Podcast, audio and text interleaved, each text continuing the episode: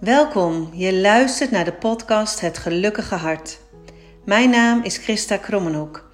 Als schrijver en creatieve maker deel ik kwetsbare en authentieke woorden om mensen weer te verbinden met hun hart en ze te bemoedigen in hun persoonlijke kracht. De gouden inslag in het hart van deze podcast, met de vingerafdrukken van mij en mijn vader, verwijst naar de kracht van liefde en het vaak niet zichtbare goud wat de rafelranden van het leven in ons hart achterlaten. There's a crack in everything.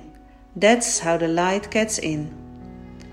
In deze podcast deel ik mijn inspiratie met je over de momenten dat het echte leven bij je voor de deur staat. Wanneer je hart misschien eenzaam of verdrietig voelt en je niet weet wat je met al die verschillende gevoelens aan moet.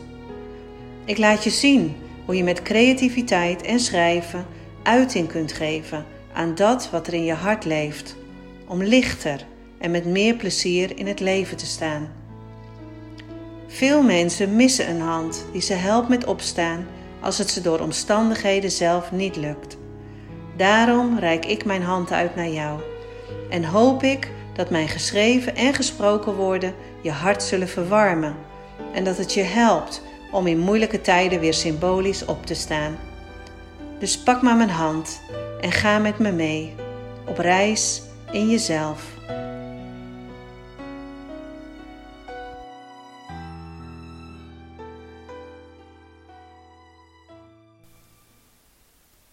Vandaag praten we in deze nieuwe aflevering over de schaduw en het licht. Want is het zo dat je gelukkig bent en dat je toch verdriet voelt in je hart? Ze zeggen wel eens dat de schaduw van het leven niet zonder het licht kan. En andersom natuurlijk ook niet. En ik heb dat onderzocht. Ik heb vragen gesteld aan de mensen om me heen. Eh, op Facebook, op Instagram en eh, in mijn omgeving. Omdat ik eens wilde kijken of ik de enige was die dat zo voelde. Dat je momenten hebt dat je heel erg gelukkig bent, je gelukkig voelt, maar dat je tegelijkertijd ook verdriet voelt in je hart. En ik denk dat bijna 97% van de mensen, vooral de vrouwen, ehm, die antwoorden met ja. En die herkenden zich daarin. En voor mij was dat heel fijn, want ik dacht, oh, dus ik ben niet de enige die dat zo voelt. Ik ben niet zomaar depressief of ik heb niet dit of dit. Er zijn dus veel meer mensen die dit ook zo voelen. En het hoort natuurlijk ook een beetje bij het leven. Hè? Geluk en verdriet, dat ligt heel erg dicht bij elkaar. En dat is ook, zeg maar, de balans in het leven die soms in een soort van golf door je leven heen komt. En soms zijn de golven wat hoger en soms zijn het gewoon hele kleine, kabbelende stroompjes. Maar geluk en verdriet kunnen naast elkaar bestaan. En het kan dus ook zo zijn dat je ergens heel erg gelukkig bent met iets of met een situatie.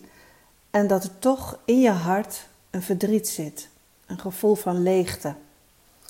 Er waren vele verschillende verhalen van mensen en dat varieerde van ik, uh, mijn man deed mijn huwelijksaanzoek en ik was zo gelukkig, maar tegelijkertijd voelde ik ook het gemis van mijn overleden broer. En uh, ook een mevrouw die zei: Eigenlijk heb ik alles wat ik wil, alles wat mijn hartje maar begeert. En waarom zit er dan toch een verdrietig gevoel in mijn hart? En ik kan het eigenlijk niet verklaren, maar ik voel het wel. Heel veel verschillende verhalen en ik vond het ook heel fijn dat mensen dat met mij wilden delen. En dat ze zich ook bewust zijn van wat ze voelen. Want het kan inderdaad zo zijn dat je je heel gelukkig voelt, maar dat je ook uh, verdriet in je hart hebt. En soms weet je waar dat vandaan komt en soms is dat onbekend. Soms weet je niet precies uh, waar het zit, waar het vandaan komt, hoe het uh, ontstaan is. En zeker ook niet hoe je er zeg maar mee om kunt gaan. Of hoe je er uh, een manier voor kunt vinden om het wat zachter en wat lichter te maken voor jezelf. Nou, het begint eigenlijk allemaal al met te bedenken wat jij in dit leven wilt doen, wie je wilt zijn, waar je je tijd aan wil besteden, waar je voor jezelf het accent op wil neerleggen. En misschien sta je er helemaal nooit bij stil.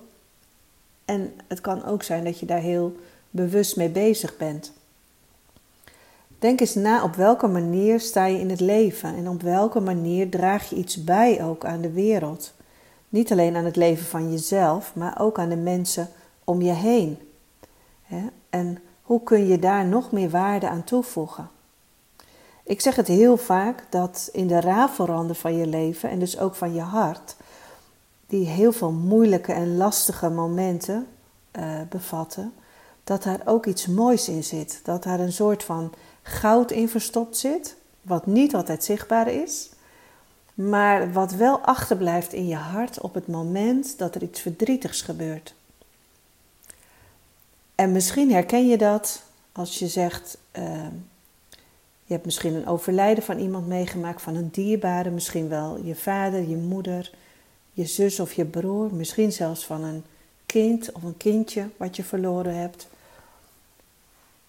En als je dan bezig bent met een aantal dingen te regelen, te praten in die week na het overlijden, en dan met name van een ouder iemand, dan kan het ook zijn dat die week heel fijn is omdat je samen bent met je gezin en nog nooit eerder uh, zo een diepe verbondenheid hebt gevoeld met de familie. Omdat je in die week allemaal op hetzelfde moment aan het rouwen bent. Ergens zit dus in dat verdriet, in die raalverand van je hart, zit dus dat goud. Dat mooie van dat moment van die verbinding. Dat je je één voelt en samen voelt met je dierbaren, met je familie. En het kan niet altijd zichtbaar zijn. Het is ook niet voor iedereen te zien. Soms heb je even een steuntje nodig van iemand die je laat zien waar het goud nog in zit. Want als je heel veel verdriet hebt meegemaakt, dan kan het zijn dat het leven gewoon een soort van zijn glans heeft verloren voor je. Maar in de rafelranden van je hart zit altijd een randje goud verscholen. En ik heb uh, dat goud voor mezelf gevonden toen ik mijn uh, levensverhaal ging opschrijven. Toen ik het boek De Kracht van Liefde schreef. In het grote verdriet, in het afscheid nemen van mijn vader. Uh, tijdens het schrijven, maar ook het naar boven halen, wat bij het schrijven gebeurt, van mooie herinneringen en waardevolle dingen die ik zelf eigenlijk een beetje was vergeten. En dat is ook de reden waarom ik deze podcast en waarom ik de columns schrijf die ik schrijf. Omdat ik wil dat ik met mijn woorden eh, jou kan bemoedigen en kan inspireren. Zodat jij ook gaat zien en gaat voelen dat er in de raafveranden van jouw hart ook dat goud te vinden is. En daarom doe ik wat ik doe. Nou, in deze podcastafleveringen uh, is dit de eerste weer van 2021. En we gaan het in 2021 hebben over uh, gevoelens, over emoties, over geluk en verdriet. En ik neem je een beetje mee op reis in deze afleveringen. En ik laat je dus zien hoe je die rafelranden van jouw hart ook wat zachter kunt maken. Stel je voor dat je nog heel even wilt terugluisteren waar het eigenlijk allemaal mee begon. Dan heb ik nog drie afleveringen uit 2018 hier voor je klaarstaan die je nog even kunt beluisteren naar deze aflevering. Dat zijn namelijk afleveringen die ik opnam in de periode dat mijn vader overleed. En toen ik pas geleden mijn hele podcast schoonveegde, vond ik deze drie afleveringen te waardevol om eraf te halen. Dus ik heb ze nog heel even voor je laten staan. Nou, ik vind het super fijn dat je hier bent en dat je de tijd neemt en de aandacht hebt om hier aanwezig te zijn en om gewoon te luisteren of er iets van inspiratie of iets van richting voor je in zit.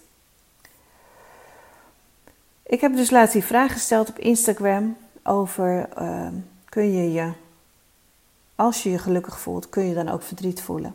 En uh, zoals ik al zei, kwamen daar heel veel verhalen over. En niet iedereen durft te delen, zeg maar, wat hem bezighoudt uh, wat een pijn doet, wat verdriet geeft. Maar een aantal mensen die wilden dat met mij delen. En die zeiden zelfs: Je mag het ook openbaar delen wat ik gezegd heb. Want uh, als ik dit gezegd heb en jij gaat het delen, dan hoort een ander het ook. En het is belangrijk dat iedereen zich bewust wordt van elkaars verhalen, zodat ze zichzelf erin kunnen herkennen. En dat vond ik heel mooi dat die mevrouw dat zei, want zo is het ook precies zoals het is. Nou, wat kun je nou doen inderdaad als je voelt dat je zowel gelukkig bent als verdrietig? Je moet het eigenlijk, of je kunt het eigenlijk zien als een soort huis waar je in woont. En in dat huis wonen, in die kamers wonen zowel eh, gelukkige momenten als verdrietige momenten. En vaak lukt het wel om de kamers af en toe even te bezoeken, schoon te maken, de deur weer even dicht te trekken. En lukt het je ook wel om die balans te vinden. Maar soms lukt het niet. En wat doe je dan? Dan lijkt het wel alsof er een soort van donkere wolk voor de zon komt. En die neemt bezit van je hart, van je dag, van je leven. En hoe kun je dan toch weer naar dat licht toe gaan en die gevoelens gebruiken om die kracht in jezelf weer terug te vinden en ook om dat stukje plezier in je leven weer terug te vinden?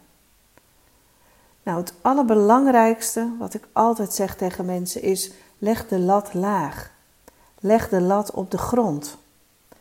En niet alleen maar in de oplossing voor dit of voor een ander probleem, maar gewoon ook in het echte leven. Want een lat die op de grond ligt, daar stap je veel makkelijker overheen als dat je hem heel hoog op die twee schuifjes neerlegt. En probeer dan nog maar eens eroverheen te springen. Ik tekende dat laatst met een uh, jonge man die eigenlijk voor zichzelf ook de lat van het leven heel hoog had neergelegd. En waarom had hij dat gedaan? Hij was zich daar niet bewust van, maar hij was aan het kijken naar zijn vader en wat zijn vader allemaal bereikt had. En hij had zichzelf voorgenomen dat hij dat ook ging bereiken. Dus die lat lag ergens ver boven zijn vermogen.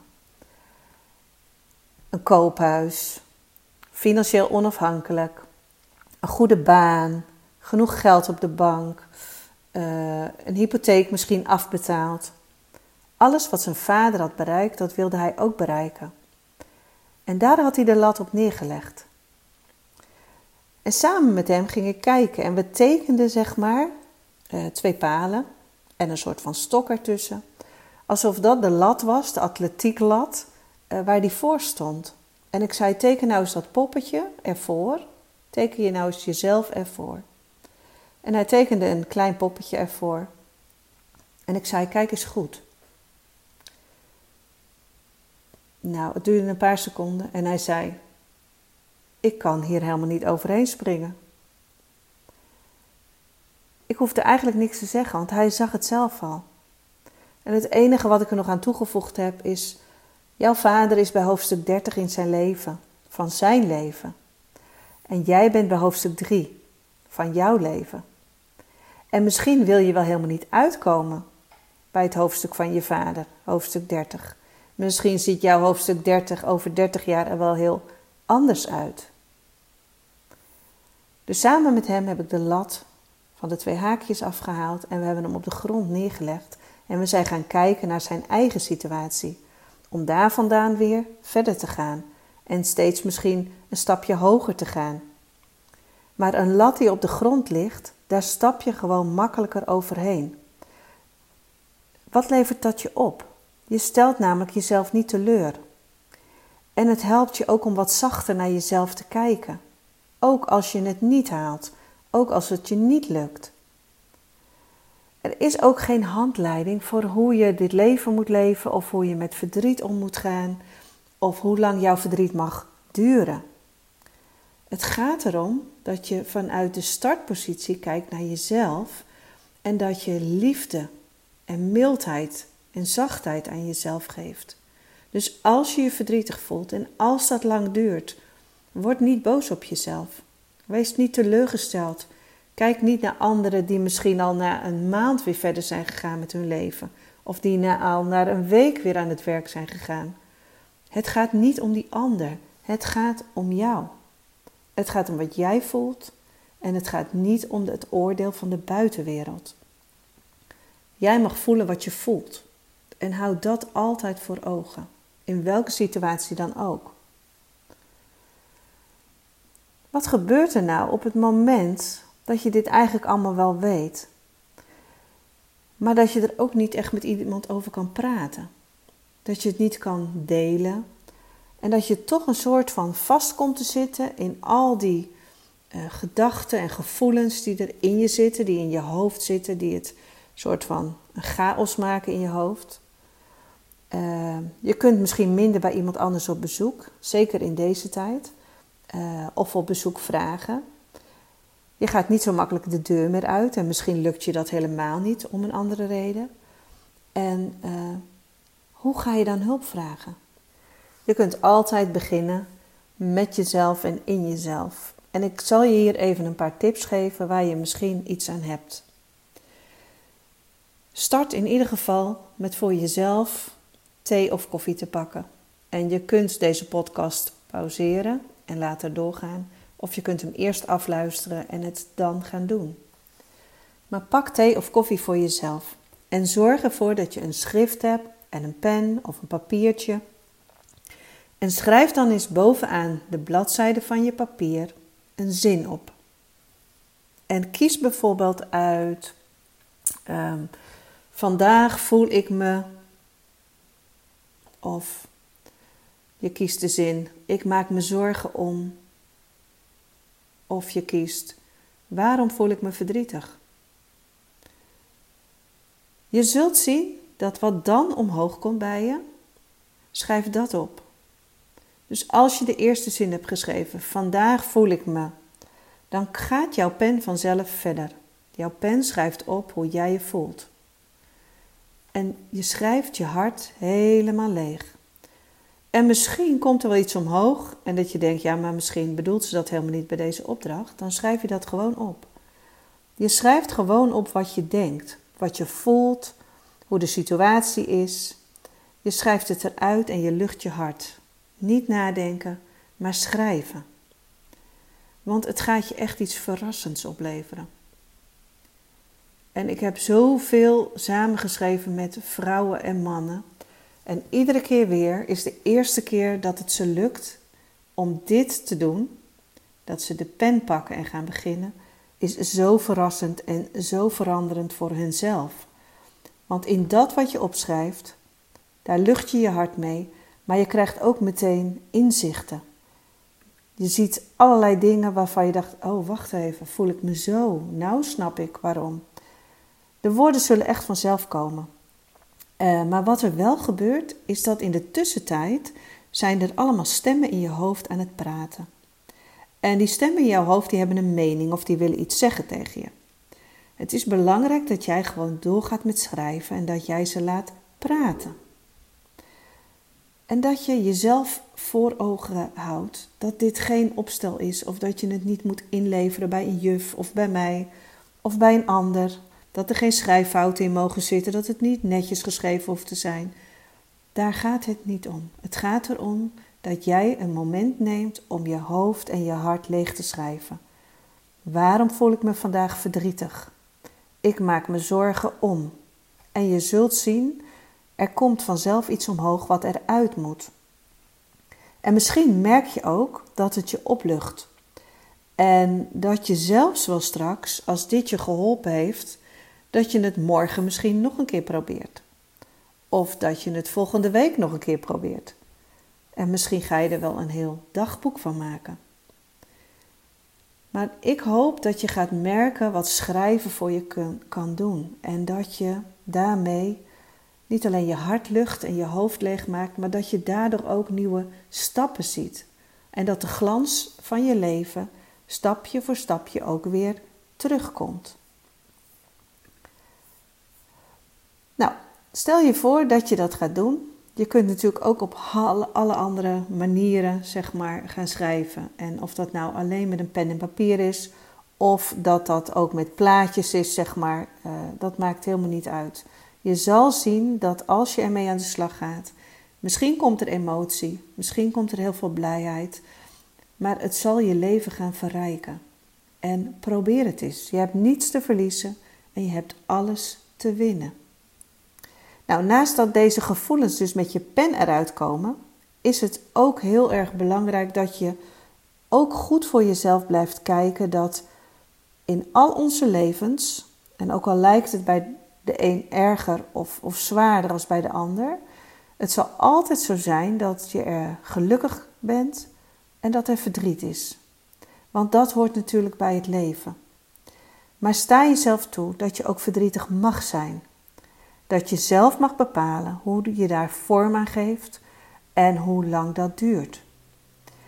En deze oefeningen met je pen of met je potloden, eh, die helpen je een klein beetje om echt dicht bij jezelf te blijven.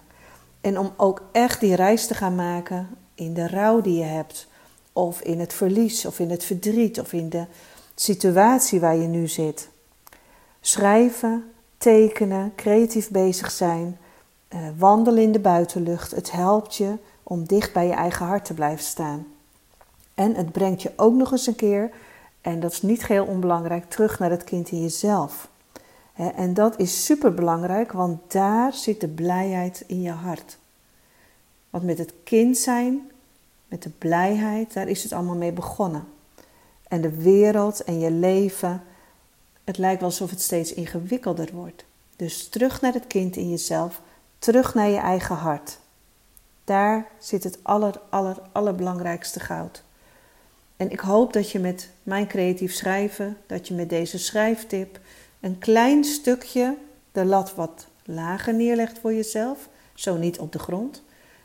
En dat je voor jezelf uh, gaat voelen, dat je jezelf gaat toestaan, dat je verdrietig mag zijn tijdens een geluksmoment. En je zult zien dat je ook meer kan genieten van dat geluksmoment als je mild bent naar jezelf en als het verdriet er mag zijn. Geluk en verdriet wonen naast elkaar in hetzelfde huis. Je doet af en toe een kamer open en af en toe stof je hem eens even lekker af of je haalt de bezem erdoor of je ruimt op en je brengt naar de kringloop wat er niet meer hoort. Maar jij hebt de regie over je eigen kamers. Jij hebt de regie over je eigen huis. En al die kamers mogen er zijn. Onthoud dat. Wees mild voor jezelf en geef licht en liefde aan zowel geluk en verdriet. Fijn dat je hebt geluisterd en tot een volgende keer.